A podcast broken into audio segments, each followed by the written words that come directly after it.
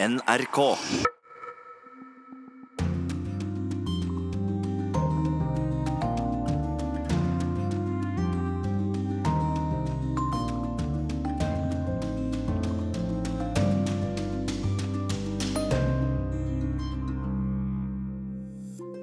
Nord-Korea vil stanse landets atomprøvesprengninger. Frankrike er fortsatt preget av streiker og demonstrasjoner. Politiet løper fremover, tar tak i et par av demonstrantene, slår dem med køller og spruter gass i ansiktene deres. Så slippes demonstrantene etter å ha blitt beordret til å dra hjem. Tyrkias president tar kontroll over stadig flere medier. Tronskifte på Cuba, men politisk er det status quo.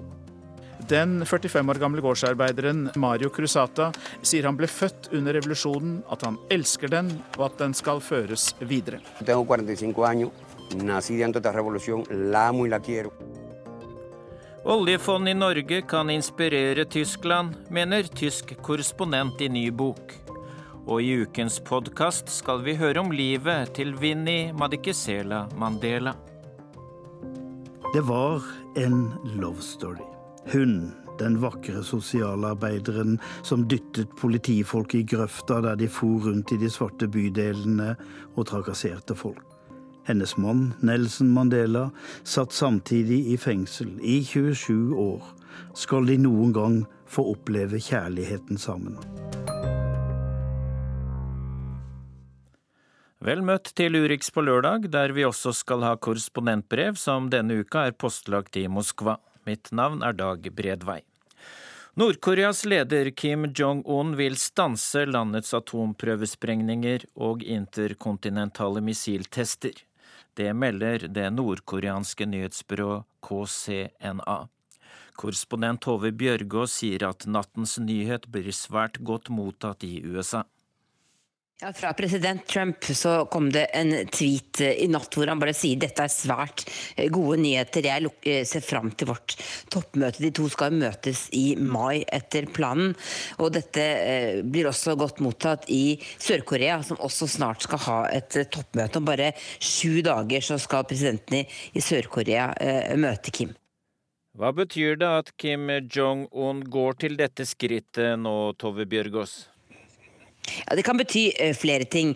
Et viktig punkt her det er jo at selv om uh, Kim sier at de vil uh, stenge anlegget for atomprøvesprengninger, så sier han også at de vil gjøre dette fordi de ikke trenger å ha flere slike prøvesprengninger, fordi de har utviklet det de trenger innenfor atomprogrammet. Han sier altså ikke at Nord-Korea vil gi opp de atomvåpnene de eventuelt allerede har utviklet, og det vil jo bli et viktig punkt for USA. Det kan også bety at Nord-Korea forsøker å legge press på USA for forut for dette toppmøtet. USA har jo krevd at Nord-Korea skal eh, avslutte atomprogrammet, men, men, fordi Kim kommer med dette nå, så kan det tenkes at det da vil, vil på en måte presse USA til at eh, eh, Nord-Korea allerede har, har, gitt noe før toppmøtet, og så vil ikke USA kunne gå like langt når de faktisk møtes. Men vi vet altså ikke helt hva Nord-Korea har når det gjelder atomvåpen, så det er, det er et spill, dette her, men, men også en veldig overraskende melding eh, som kom i natt, som selvfølgelig det blir reagert på her.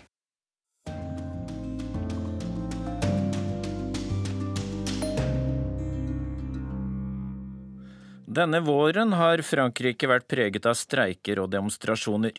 Mange er sinte over president Emmanuel Macrons iver etter å effektivisere og modernisere offentlig sektor.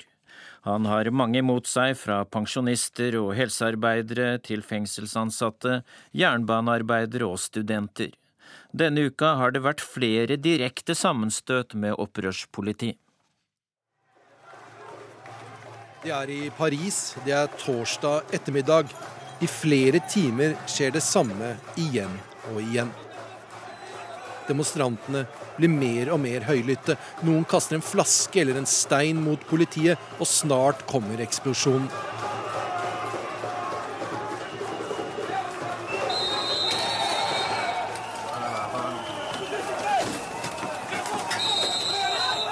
Politiet løper fremover, tar tak i et par av demonstrantene, slår dem med køller og spruter gass i ansiktene deres. Så slippes demonstrantene etter å ha blitt beordret til å dra hjem. Bare to personer ble arrestert i går. Det var flere demonstrasjoner i går andre steder, og dette har pågått i lang tid. Demonstrasjoner og streiker. Streiker ledet av jernbanearbeiderne og deres fagforening. Som har greid å få med også andre grupper av statsansatte, og som håper på enda bredere motstand.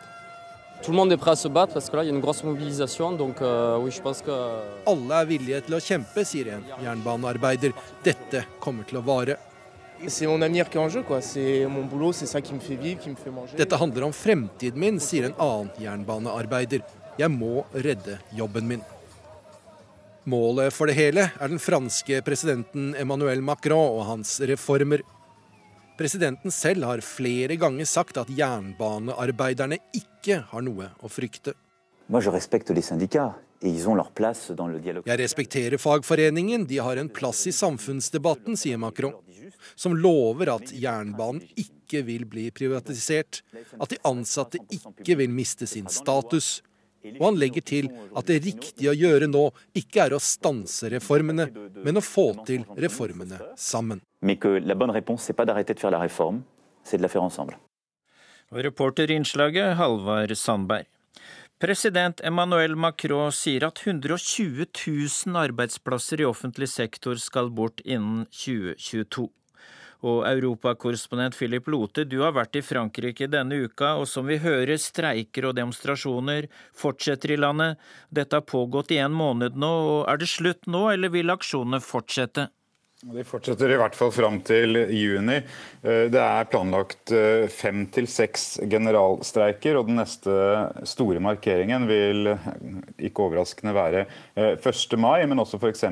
på Eh, nasjonaldagen til Frankrike 14.07, så, så, så vil pensjonistene eh, ha en, eh, en, streik i forhold til det de frykter er eh, er eh, noe som kan fjerne deres pensjonsrettigheter. Så Det mobiliseres bredt og på tvers, og jernbanestreiken den Eh, er, eh, pågår og vil pågå. Det er Minst eh, to dager i uken så går de til streik. og Det er da en ganske aktiv diskusjon i jernbanefagforeningene om å trappe, opp til, trappe denne opp. og Det er noen som mener at man nå må begynne å streike hver dag, fordi at foreløpig så har ikke streikene har hatt noen effekt på Macron og hans ønske om å gjennomføre sine reformer. Ja, president Macron sier han ikke vil vike fordi landet har flere tiår å ta igjen når det gjelder å reformere og slanke offentlig sektor. Er befolkningen delt i synet på presidentens eh, framgangsmåte? De fleste meningsmålingene nå viser at uh, Macron faktisk har større støtte uh, enn de streikende. Dette var ikke tilfellet til å begynne med. Da var, uh, var det noen flere som, som, støttet eh, jernbanearbeiderne. Eh, og når vi snakker med de som deltar i demonstrasjonene, så er de sinte på medier for mener, mediene, for de mener at de fokuserer for mye på støtte eh, og oppslutning, og ikke forteller hva som ligger bak grunnen til streiken. Og når da oppslutningen begynner å gå ned, så vil dette få et momentum, sånn at de vil miste eh, sympati, samtidig som man slutter å snakke om at dette egentlig eh, handler om så Det er noe av frustrasjonen eh, blant eh, de streikende. At eh, Macron rent taktisk og strategisk bare kan vente dem ut, og det er de litt redde for. En god del franskmenn er provosert fordi Macron vil endre samfunnet gjennom presidentdekreter og uten debatt i parlamentet. Og hvorfor går han fram på denne måten? Jeg tror Macron har allerede før han ble president gjort en kalkyle om at han må få igjennom disse reformene for å vise at de virker, for å vise at de skaper økonomisk vekst og sånn sett skaper arbeidsplasser, og også får unge ut i arbeid. Det er på en måte det han satser på. Altså Hvis reformene virker, så vil han stå sterkere. og Derfor så legger han vekt på at dette må skje raskt, og, det, og reformene må være ganske omfattende. altså Forsiktige reformer, moderate reformer, vil ikke ha den ønskede effekten. Derfor så kjører han ganske hardt på med presidentdekreer, til tross for at han faktisk har rent flertall i parlamentet. Og det han sier er jo at det som er nødvendig å gjøre med dekreer, kan gjøres med dekreer, og så kan parlamentet stemme over det og diskutere det senere. Så han utelukker ikke en parlamentarisk diskusjon, men han sier at eh, tempo, hastighet og effektivitet er det som er hans prioritet, og at han for har vært åpen om dette hele tiden. Takk skal du ha, Philip Lote, direkte med oss fra Brussel.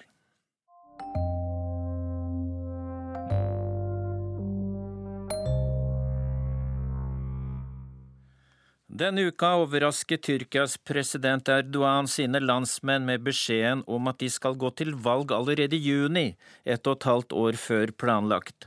For få uker siden kjøpte et regjeringsvennlig firma opp den største mediegruppen i Tyrkia. Det lover ikke godt for valgkampen, det mener en tyrkisk skribent og medieprofessor.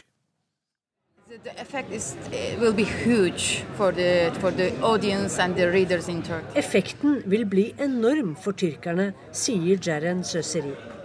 Vi treffer professoren i kommunikasjon på Galatasaray-universitetet i kafeen der vi ser rett ut på det vakre Bosporos-stredet. Uh, Jeg tror dette betyr slutten på mainstream media her i Tyrkia, sier akademikeren, som skriver en fast spalte om medier i Evrensel, en av de fire avisene hun mener er de siste uavhengige nå. For akkurat en måned siden vakte et medieoppkjøp i Tyrkia stor oppsikt. Demirøren Holding, et firma som støtter president Erdogan, kjøpte noen av Tyrkias viktigste medier fra en annen stor mediegigant, Doğan-gruppen. Demirøren kjøpte bl.a. den populære underholdningskanalen Kanal D, Kanal D. og den populære nyhetskanalen CNN Tyrk, som nå kontinuerlig dekker den dramatiske utviklingen om presidentvalget, som er fremskyndet med ett og et halvt år. Også den engelskspråklige avisen Hurriyet Daily News, avisen alle utenlandske journalister, forskere og diplomater leser, er solgt til medieeieren som støtter president Erdogan. Men hva vil de nye eierne gjøre med mediene? Vi spør Søseri. If I were uh, Demirören Group, I will change first uh, Hurriyet Daily News. Om det var meg, ville jeg endret Hurriyet Daily News først fordi alle utlendingene her leser den. Da kan de, altså eierne, påvirke journalister og diplomater her, og også leserne i utlandet. Da Demirøren kjøpte to aviser i 2011, gjorde de om begge til talerør for regjeringen, og kritiske journalister fikk sparken, forteller medieanalytikeren til NRK.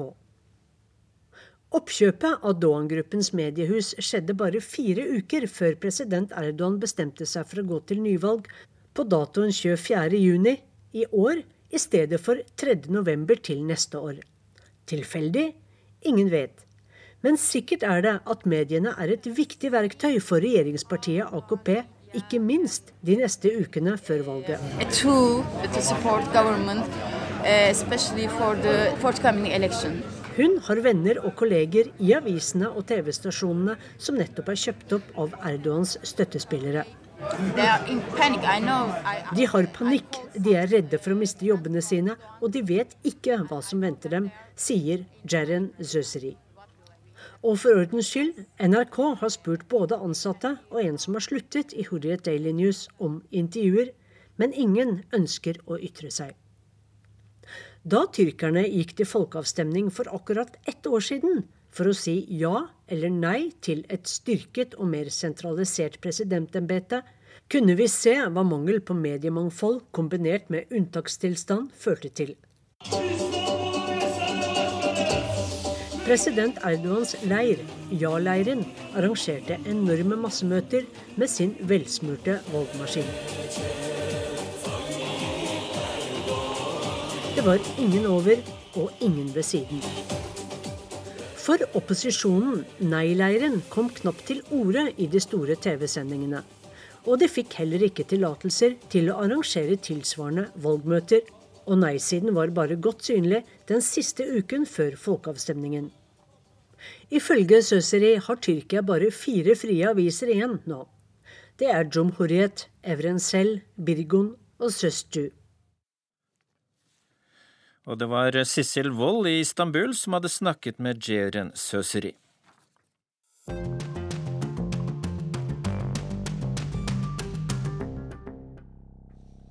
Etter 59 år med Castro-styret har Miguel Diaz Canel tatt over presidentvervet på Cuba.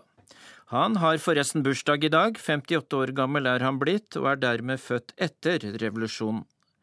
Men hvordan blir Cuba uten Fidel Castro, som døde i 2016, og uten broren Raúl, som ga fra seg presidentvervet i går? Øystein Heggen har laget denne reportasjen. High up in the mountains of the Sierra Maestra, Fidel Castro was fast becoming the symbol of resistance against Batista. Nordamerikanske TV-team tok seg inn i fjellene der Fidel Castro holdt seg skjult. It was there, among the peasants, that the romance of Castro's guerrilla war was born. Da geriljaen hadde fullført revolusjonen i 1959, spurte NBCs reporter om Fidel Castros oppdrag var fullført, og at han kunne trekke seg tilbake til det sivile liv. My obligation with the people, what I have to do now and in the future, is that what be good for my country. Hvis det er til landets beste at jeg gir avkall på posisjoner, gjør jeg mer enn gjerne det. Makt og penger er ikke viktig for meg, bare å tjene landet. Because sincerely, I don't ambition power, money, nothing, only to serve my country.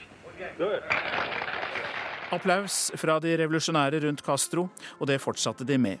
Fidel Castro ble så definitivt sittende til han ble syk og lillebror Raúl overtok i 2006, fram til i går.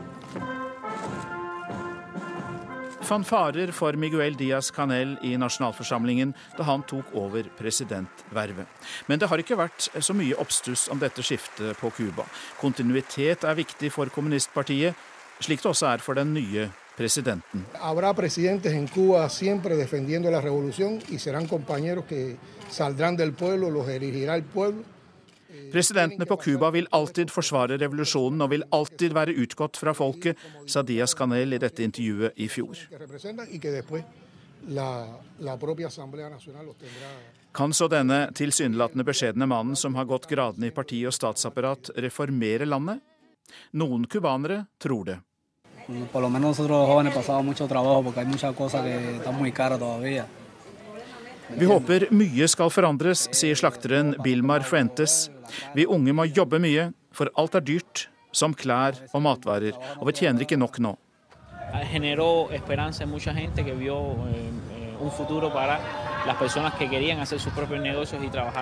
Vi var håpefulle, men i fjor høst ble det strammet til igjen, sier Camille Kondis, som jobber på en privat restaurant. Det ble utstedt færre lisenser for å drive private bedrifter i fjor, og det bremser utviklingen.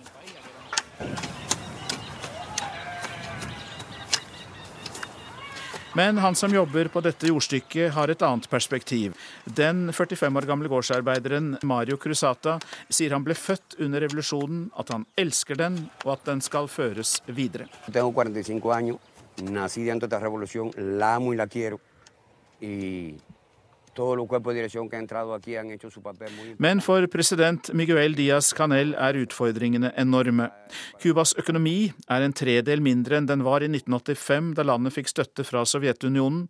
Det sier den tidligere cubanske sentralbankøkonomen Pavel Vidal til Reuters.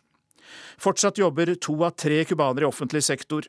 Svært få av de markedsreformene som var planlagt etter 1991 er gjennomført, ifølge Vidal. Men president Diaz Canel må gjennomføre økonomiske reformer, skriver The Economist. Venezuela, som til dels overtok rollen som Cubas økonomiske støttespiller etter Sovjetunionen brøt sammen og bidro med billig olje, har selv enorme økonomiske problemer. Med president Donald Trump i USA er Barack Obamas åpning mot Cuba nesten snurpet igjen. Men Russland er mer og mer tilbake. 81% eksportøkning til Cuba i fjor fra Russland. Kina er på plass med bygging av infrastruktur og har ettergitt milliarder i lån, skriver Washington Post. Ett scenario for Cubas nye president kan være å gjøre som Kina og Vietnam. Åpne opp for markedsøkonomi og tillate noen innbyggere å bli mye rikere enn andre. Men samtidig beholde den politiske kontrollen. Konservative cubanske politikere frykter ulikhetene det vil skape, stikk i strid med de sosialistiske idealene. Lo que yo diría que no pudo fue acabar con la vieja mentalidad. Og så er det noe med å endre mentalitet, endre gamle måter å tenke på. Det må til, sier den tidligere cubanske diplomaten Carlos Azugaray til Reuters.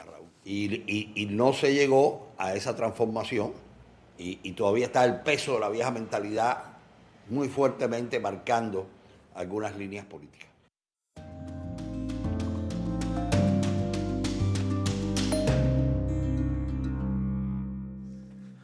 Fra Cuba til Tyskland. Slik blir du så rik som Norge. Det er tittelen på en bok som kom ut nå i april i Tyskland.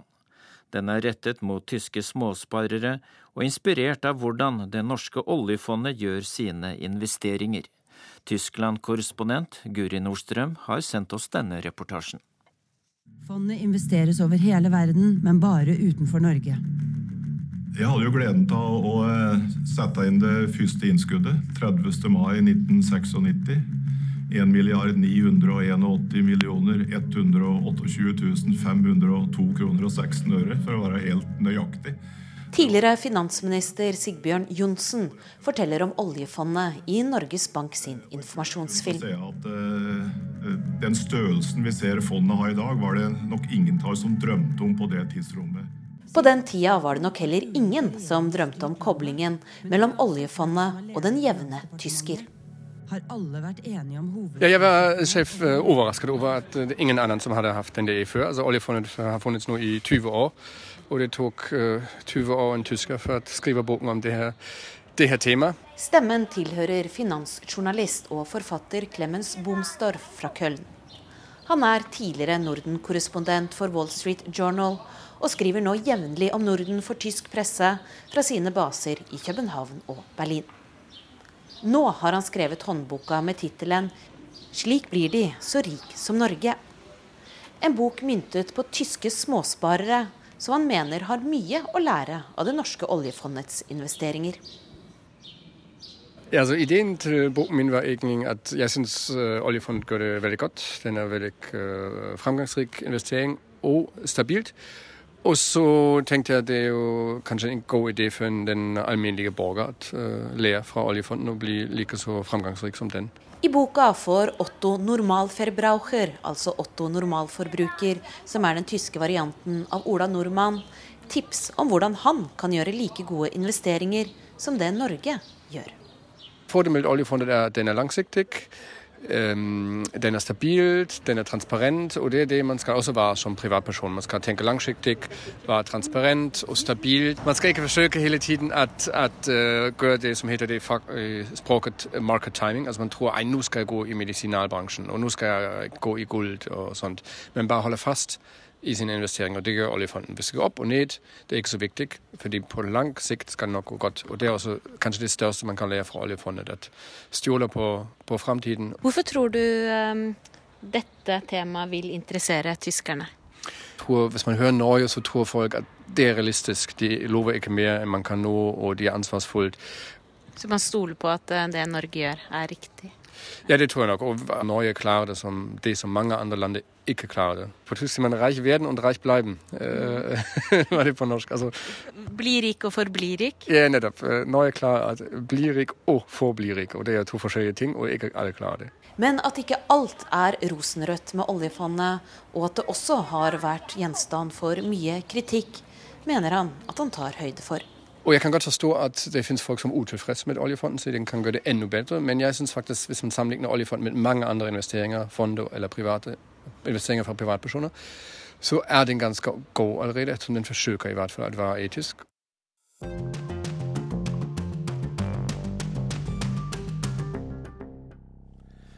Det er tid for å åpne ukens korrespondentbrev, som er postlagt i Moskva. Morten Jentoft tar oss med på joggetur i den russiske hovedstaden. Jo da, jeg har tatt dere lyttere med på min vanlige joggetur her i Moskva før. Men det er lenge siden, og det har skjedd mye her siden den gangen. Derfor gjør jeg det igjen. Også for å fortelle litt om de forandringer som har skjedd både langs ruten og for meg etter snart fire år som korrespondent her i den russiske hovedstaden. Som i Norge så kom våren seint, men godt her i Moskva i år. Bare for noen uker siden var det masse snø også sentralt i den russiske hovedstaden.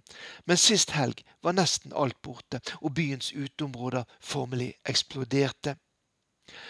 NRKs kontor og leilighet ligger like ved Kalusjkaja-plassen, ved metrostasjonen Aktsjabrskaja, langs det som fremdeles heter Hageringen, en trafikkmaskin som går rundt sentrum av den russiske hovedstaden. Da jeg tok dere med på joggetur for mer enn tre år siden, så var knapt den store plassen som mange av dere ser bak meg når jeg er direkte på TV, ferdig ombygget. Det er den nå, og er blitt en samlingsplass for Moskvas skatere. Neppe den eneste, men på enkelte dager så må det være mange titalls av dem som bruker den store sokkelen under den enorme statuen av Vladimir Lenin til dristige kunsthopp. Salige Vladimir Ilitsj ser ikke ut til å la seg affisere noe særlig av det som skjer under ham, der han med et fast blikk ser over mot bygningen som huser metrostasjonen Aktsjabrskaja. Her var det også et nokså uryddig landskap før, som møtte meg da jeg sprang opp fra undergangen under Lenin-prospektet. Da Lenins Sovjetunionen begynte å gå i oppløsning på slutten av 1980-tallet, var det nettopp rundt metrostasjonene i de store byene de første spirene til kapitalisme poppet opp, i form av kiosker og provisoriske butikker. Men nå er alt borte, og foran de store dørene som fører ned til verdens mest effektive undergrunn, er det nå lagt store steinheller, og ikke en salgsbod er å se. Det kunne virke brutalt da Moskvas borgermester Sergej Sabjanin for et par år siden ga ordre om at alle områdene utenfor de sentrale metrostasjonene skulle ryddes. Flere steder ble de provisoriske kioskene og butikkene rett og slett meiet ned med bulldosere. Men jeg må innrømme at jeg synes det ser fint ut foran Aktsjablskaja og Dabrininskaja, de to metrostasjonene som ligger i området der jeg bor. Ryddet og ordnet er det også når jeg følger The Moskva Down to Gorky Park. Her er det også lagt helt nytt og bredt fortau, og det trengs, i alle fall denne lørdags ettermiddagen jeg er ute. Gorkiparken har alltid vært populær, men jeg synes populariteten bare har vokst de siste årene jeg har bodd i Moskva. Og det forstår jeg godt. Parken er hele tiden i forandring, og det gjør at en joggetur her aldri blir helt lik. Denne lørdagen er man i full gang med å planlegge åpningen av sommersesongen med fontener og planting av nye blomster. Det gjør at jeg må legge om min vanlige rute noe og løpe langs Moskvaelven. Der ser jeg over mot det russiske forsvarsdepartementet, der det er hektisk aktivitet denne dagen, bare timer etter at USA ledet an i angrepet mot Syria. Det russiske Pentagon er en imponerende bygning i sovjetstil fra begynnelsen av 1950-tallet, men ombygget for noen år siden, og nå altså både Forsvarsdepartementet og Generalstabens hovedkvarter. Jeg tror jeg denne lørdags ettermiddagen deler en lettelse med mange over at det ikke ble en direkte konfrontasjon mellom USA og Russland over Syria. Og jeg synes jeg hører ordet Syria nevnt når jeg tråkler meg mellom menneskene bortover langs Moskvaelven og inn i det som formelt heter Neskutsjniparken, eller Hagen, som faktisk er den eldste delen av Gorkiparken, med en historie helt tilbake til 1753. Direkte oversatt betyr Neskutsjny park den ikke kjedelige, eller kanskje glade parken, og for meg er dette utvilsomt den vakreste og beste delen av joggeturen. Ikke minst etter at jeg i fjor høst ved en feiltakelse kom til å legge om min faste rute noe. Jeg var ute og løp sammen med min gode svenske venn Per, og midt i en diskusjon rundt vår felles interesse om hendelsene i den russiske revolusjonen, tok jeg litt feil av veien, med det resultatet at vi havnet litt lenger inn i parken. Og Seinere så er dette blitt min faste rute, ikke minst fordi det gjorde det mulig å finne en undergang tilbake under Lenin-prospektet. Dessverre ble det ikke flere løpeturer med Per. Plutselig var han uønsket i Russland, som svar på at svenske myndigheter hadde utvist noen russere. For Per, som har brukt en stor del av livet sitt på å jobbe med Russland, og ikke minst russisk språk og kultur, var dette et hardt slag. Som det nok er for de andre mer enn 100 utenlandske diplomatene, blant dem også en norsk, som nå etter påske måtte forlate Russland, etter at USA, Storbritannia og EU-land pluss Norge hadde utvist like mange russere. Siden mitt forrige joggeturkorrespondentbrev har det kommet en fin, grønn liten kunstgressfotballbane i en gryte i parken her, hvor det alltid er ivrige fotballspillere, uansett hvor tidlig jeg er ute. Og selv om den russiske økonomien har vært under press de siste årene, så fortsetter moderniseringen av den russiske hovedstaden for fullt.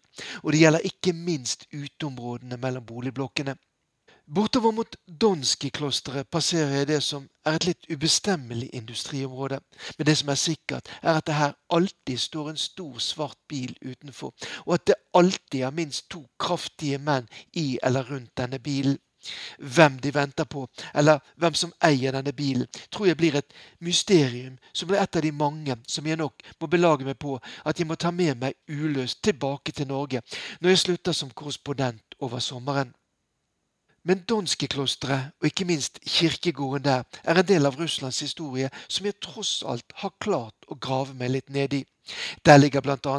Rudolf Abel alias William Fischer begravet, mesterspionen som en periode på 1930-tallet bodde på Golia i Oslo. Der står også gravsteinen til Vasilij Blokhin, NKVD-obersten, som fremdeles står øverst på den tvilsomme listen over den enkeltperson som egenhendig har henrettet flest personer på kortest tid, 7000 i løpet av 28 dager i 1940. I tverrgaten nord for klosteret har det skjedd mye de siste årene. Ikke bare fortauene gravd opp og asfaltert på nytt. Og under et stort telt er det marked, som en slags erstatning for alle de som måtte forlate sine salgsboder rundt metrostasjonene. Så ser jeg opp mot det karakteristiske Sjablovskaja radiotårnet, som ble bygget like etter revolusjonen på begynnelsen av 1920-tallet. Radioen skulle brukes i propagandaen for å få russere positive til sosialismen, og planen var å bygge et tårn på 350 meter. Men material- og pengemangel gjorde at det ble med 160 meter. For noen år siden var det snakk om å rive tårnet, men nå er det vernet som en del av russisk og sovjetisk historie. Hva tenker medarbeiderne i russisk radio og TV nå om situasjonen i Russland? Formelt er det ingen sensur, heller ikke i de statlige kanalene. Og bildet er ikke helt svart, slik kanskje mange i Norge tror. Det lages mye spennende journalistikk i Russland, også kritisk, men det er klare begrensninger. Og jeg må innrømme at jeg i perioder ikke har orket å følge med på de russiske TV-sendingene. Det har rett og slett vært deprimerende og gjort meg trist på vegne av mine russiske journalistkollegaer. Nedover Midtnøyagaten har det skjedd store forandringer i løpet av mine år her i Moskva, vel å merke på den høyre siden av gaten. Her ligger det store Morosovskaja barnesykehuset, som har blitt totalt renovert de siste årene. Før måtte jeg holde meg for nesen når jeg løp nedover her, av lukten fra toalettene i brakkene, der innvandrerne fra Sentral-Asia og de andre sovjetrepublikkene bodde. Nå er de borte og erstattet av lekeområder og parker. Hvor innvandrerne er flyttet, vet jeg ikke, bare at de trolig fremdeles bor under svært usle ofte farlige forhold. På den andre siden av Mytnøyagaten står fremdeles det store bygningskomplekset, der den ene av bygningene har samme type knekk som det nye Munch-museet i Bjørvika i Oslo. Men her har det ikke skjedd noe som helst de fire årene jeg har bodd i Moskva. Er dette et symbol på at selv om det er mye positivt, så er det også store problemer i Russland. Jeg tar en liten spurt de siste hundrede metrene bort til blokken der jeg bor. Ikke noe rekord i dag. Jeg skylder litt på at det er en av årets første løpeturer ute, og at formen bare kan bli bedre. Jeg vet at jeg kommer til å savne disse turene i Gorkiparken, som jeg kommer til å savne den russiske hovedstaden. Enda har jeg noen måneder igjen som korrespondent, og selv om verden denne lørdagen trakk et lettelsens sukk over at det ikke gikk helt av skaftet i Syria, så tror jeg nok at de siste månedene mine her som korrespondent neppe kommer til å bli kjedelig. Og den som tror det, er Morten Jentoft i Moskva.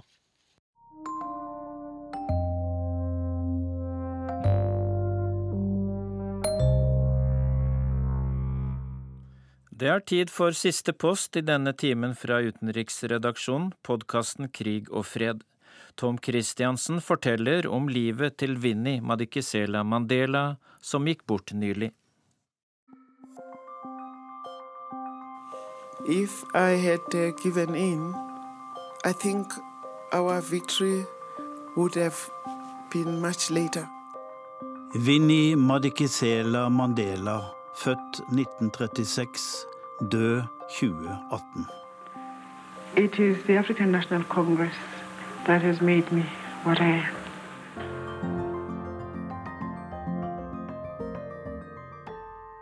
Winnie Mandela er jo først og fremst kjent for sitt lange liv i kamp. Sånn spilte hun en stor rolle eh, på 1960-tallet og 1970-tallet og et stykke inn på 1980-tallet. Jeg heter Tore Linné Eriksen. Jeg har arbeidet med afrikansk historie, og særlig sørafrikansk historie, gjennom et langt liv. Og kom for et par år siden med en bok om Sør-Afrikas historie. Og jeg har skrevet fellesbiografi om Nelson Mandela og Winnie Mandela. Uh, well, I will continue being uh, the white man's enemy for as long as I'm alive. Hun ble tvunget til å leve et ekstremt liv. Hun giftet seg med Nelson Mandela veldig ung. Han ble dømt, han måtte i fengsel. Hun ble alene. Hun ble utsatt for apartheidregimets uh, harde politikk. Hun ble sendt i intern eksil. Hun fikk ikke være sammen med folk. Altså Hun ble fratatt på en måte enhver mulighet til et normalt liv. Jeg heter Aud Lise Norheim, og jeg jobbet som diplomat i Sør-Afrika fra 1990 til 1993. Krig og fred, en podkast fra NRK Urix.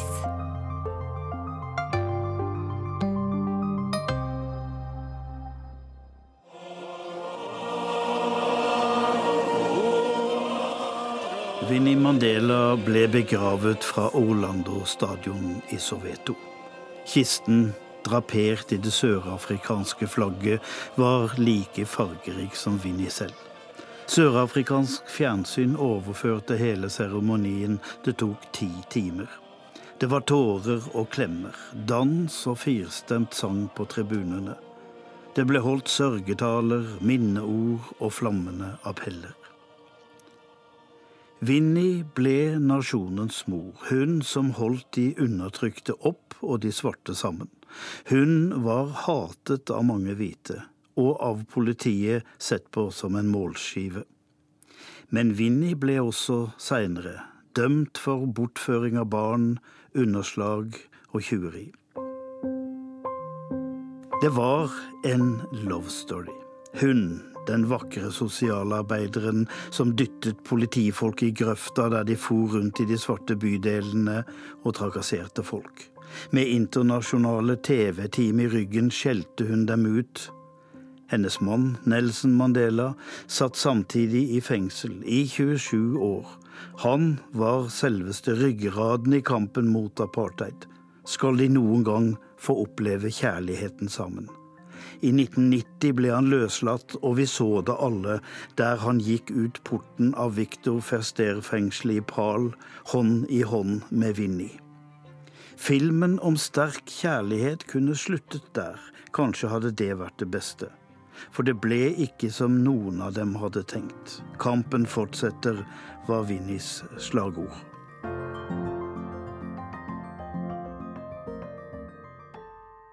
Tore Linné Eriksen kan Vinni Mandelas liv utenat. Hun giftet seg 22 år gammel med en dobbelt så gammel mann. Det skulle bli et spesielt ekteskap. Ja, Vi eh, vet jo først og fremst at det var veldig kort i betydningen kort tid de fikk være sammen. Eh, allerede tre år etter gikk jo Nelson Mandela under jorda og var så uh, uh, i utlandet og i ANC-steder inne i landet hemmelig, til han ble dømt til livsvarig fengsel i 1964. Så først og fremst var det et ekteskap som hvor samlivet var kort. Men hun var, selv om hun var ung, så var hun ikke en sånn leikedokke. Hun var den første svarte afrikanske kvinne som hadde fullført sosialarbeiderutdanning.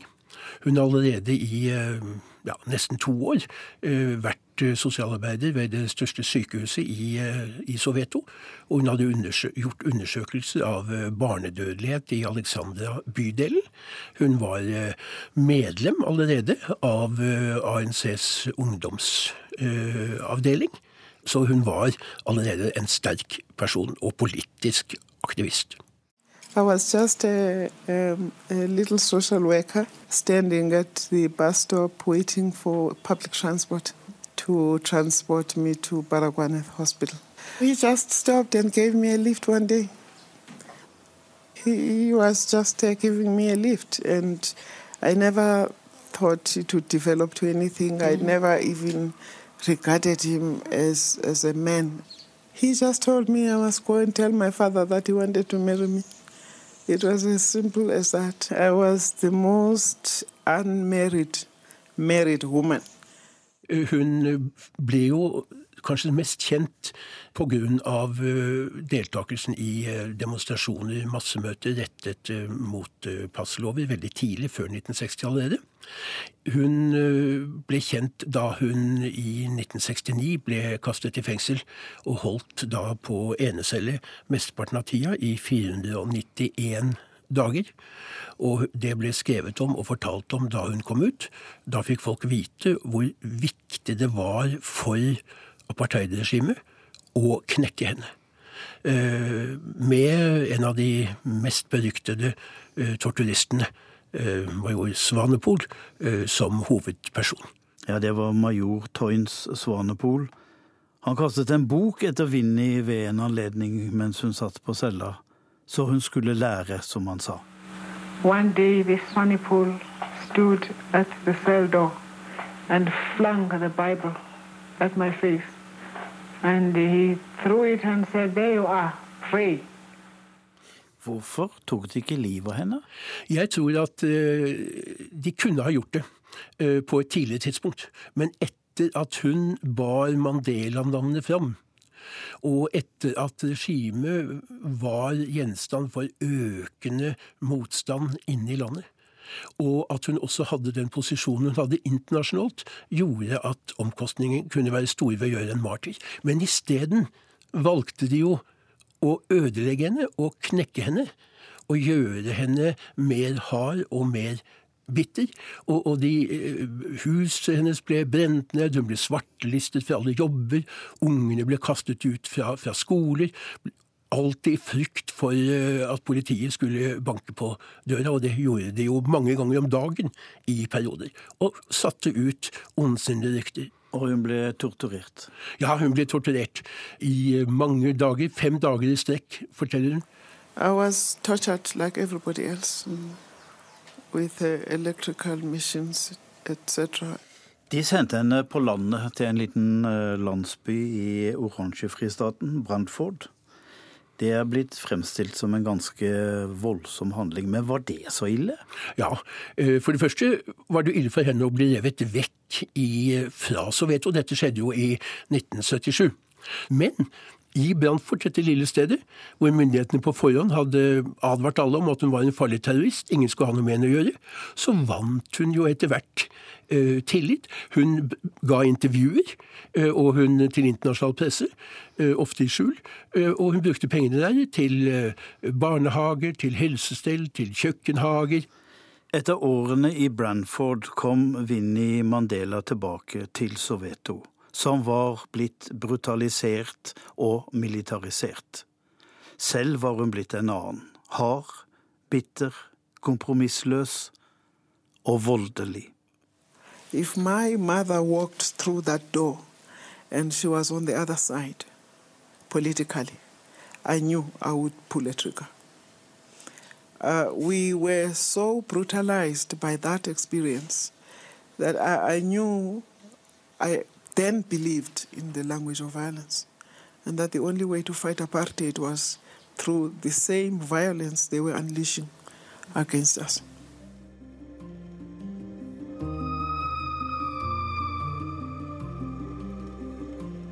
Nelson Mandela var overført til Polsmoor-fengselet i Cape Town. Der fikk han uromeldinger om et fotballag i Soveto som bar familiens navn. Vinni hadde etablert en ungdomsgjeng som for moro skyld kalte seg hennes livvakter, under navnet Mandela United Football Club. Men de spilte aldri fotball. De gjorde mye annet. Audelise Norheim fulgte med fra ambassadens kontor og sperret opp øynene. Det var eh, en eh, sammenblanding av eh, kriminalitet, eh, av eh, hva skal vi si, eh, av vold. Blandet sammen da med det som kanskje i utgangspunktet var en god, god sosial idé om å samle ungdommen som var underprivilegert i Soweto. Vinni Mandela bortførte fire gutter fra et metodistsenter i Soweto. Hun sa de ble seksuelt misbrukt av den hvite pastoren. Det ble de ikke, og Vinni fikk en bot. En av guttene var den 14 år gamle aktivisten Stumpy Seipei. Lederen for fotballaget Jerry Richardson mente Stumpy var en angiver han fòret politiet med opplysninger mot betaling. Richardson banket ham opp inne på eiendommen til Vinni og skar over strupen. Liket ble fraktet bort. Mange år seinere kom sannheten fram.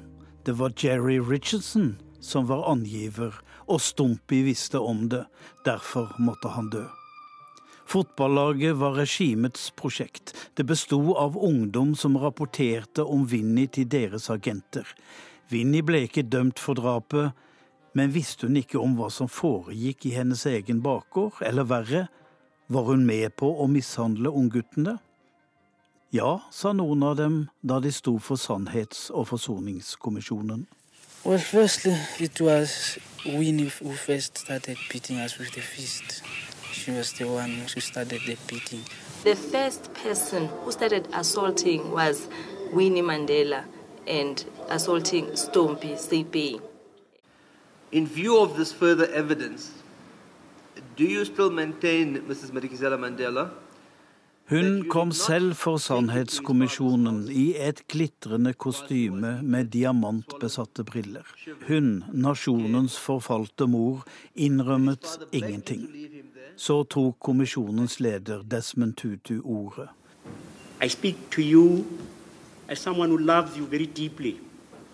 Han og Vinni hadde bodd i samme gate i Soweto. Ungene hadde vokst opp sammen. Han tegnet et bilde av hennes innsats. Men har ikke noe gått galt, Vinni? Kunne du ikke i det minste si sorry? If you were able to bring yourself to say something went wrong. Lufta dirret da erkebiskopen la papirene til side. I beg you. I beg you. I beg you. Please. You are a great person. And you don't know how your greatness would be enhanced if you were to say, sorry, things went wrong. Forgive me. I beg you. Tilhørerne tørket tårene. De stirret på erkebiskopen. Vinni satt som forstenet. Hun måtte snakke med advokatene. Og så, etter en pause, var hun klar for et svar hun ikke kom utenom. I will take this opportunity to say to Stompy's mother how deeply sorry I am. Things went horribly wrong. I fully agree with that. I am deeply sorry. Men hvor mye var beklagelsen verdt? Det går noen år, og så ser hun tilbake. I, I don't give a damn. I'm not prepared to apologize for anything we did whilst we were fighting. Noen svarte ble angivere mot betaling. De ble straffet med et bensindynket bildekk tredd over hodet og tent på. Halsbåndet, som det ble kalt. Necklace. Med slike halsbånd skal vi frigjøre Sør-Afrika, sa Vinni. With our necklaces, we shall liberate this country. Power to the people! Power to the people!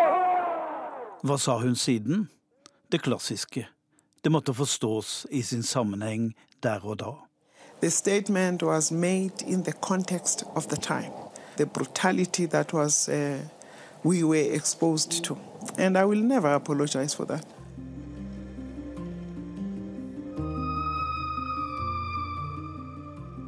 Vinni ble i 2003 dømt for noe helt annet. Underslag og tyveri.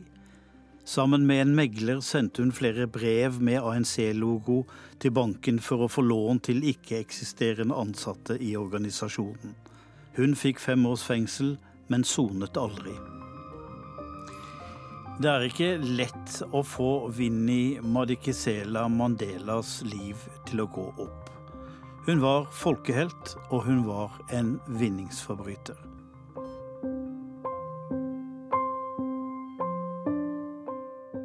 27 års fravær, og de hadde knapt vært sammen før han ble arrestert.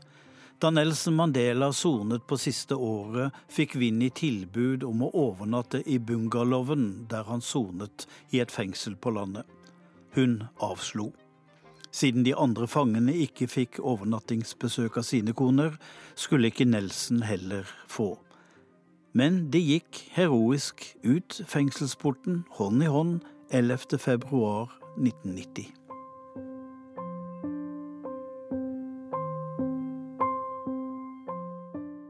Året etterpå hadde ANCs kvinneliga sin første konferanse inne i Sør-Afrika. Aud-Lise Norheim var der og skjønte at noe var feil. Da satt jeg sånn at jeg kunne se dem på podiet der hele veien, og da da visste jo alle vi som satt der, at det ekteskapet det kom ikke til å vare veldig lenge til. Eh, og det sitter liksom ennå i meg, det at jeg, fordi jeg visste det jeg visste, at jeg så at Nelson Mandela så veldig ulykkelig ut. Eh, og det året etter så tok de ut separasjon. Eh, så det jeg så på en måte var, var begynnelsen på slutten av det ekteskapet. Eller det, det, hadde vel sikkert eh, begynt å bli slutt lenge før, men dette var liksom det første etter at de hadde kunnet være sammen igjen etter at han ble løslatt. Det var så sørgelig. Disse to vakre menneskene, heltene. Hun som hadde ventet på sin mann i så mange år. Alle unnet Nelson sin Vinni jeg var på pressekonferansen da Nelson Mandela slapp nyheten om separasjonen. Han hadde en tåre på kinnet, og ingen av oss stilte spørsmål. Han elsket henne fortsatt. Med mørke furer i ansiktet sa han, dere forstår kanskje min smerte.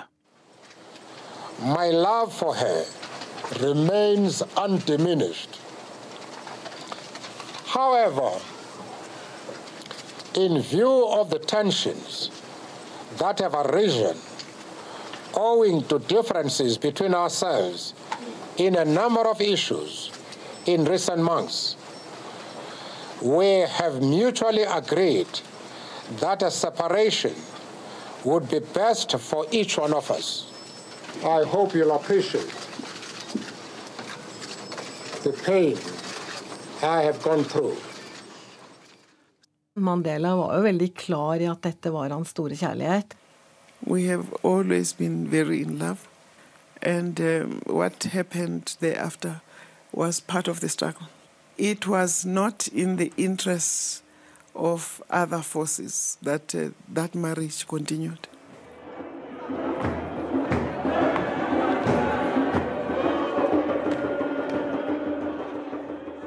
Jeg var i Sør-Afrika da Vinni døde. I townshipene sang de sine klagesanger i blues, og mintes henne som de kalte nasjonens mor, hun som alltid kom og torde der andre ikke torde, særlig ikke kvinner, de slapp ikke opp og fram. Vinni sprengte seg plass. Der andre snakket om forsoning, snakket Vinni helt til det siste om kamp og revolusjon. Til siste dag var hun den hvite manns fiende, mente hun. Well, I will continue being uh, the white man's enemy for as long as I'm alive because they seem to believe that uh, if I am not within the ANC, it wouldn't be as strong as it is today. Men vil Vinnies harde linje kunne lede Sør-Afrika framover etter hennes død? Diplomaten Audlise Norheim tviler på det. Jeg tror at den linja som går på, går på forsoning, eh, som går på kompromisser i brei forstand, er den som eh, er god for Sør-Afrika, og som er god for sørafrikanere. Tore Linné Eriksen, tror du Vinni Madikizela Mandela får et liv etter døden? Ja, i høyeste grad. Og, og, og, jeg tror på mange måter at de spørsmålene hun var mest opptatt av etter selvstendigheten, de har nå kommet mye tydeligere opp igjen etter at Suma er ute av bildet, og etter at alt ikke lenger bare handler om korrupsjon og maktmisbruk, men om eiendomsforhold til jord, eiendomsforhold til gruver, om uh, kamp for uh, utdanning i uh, slumstrøkene i storbyene, kamp om utjamning kamp mot den groteske ulikheten i dagens Sør-Afrika. I den forstand så er hun på en måte mer levende nå enn de siste 20 årene.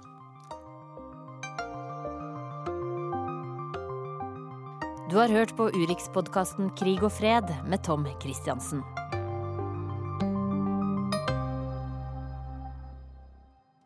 Urix på lørdag er slutt. Lisbeth Sellereite, Irina Kjelle og jeg, Dag Bredvei, takker for følget denne timen. God helg.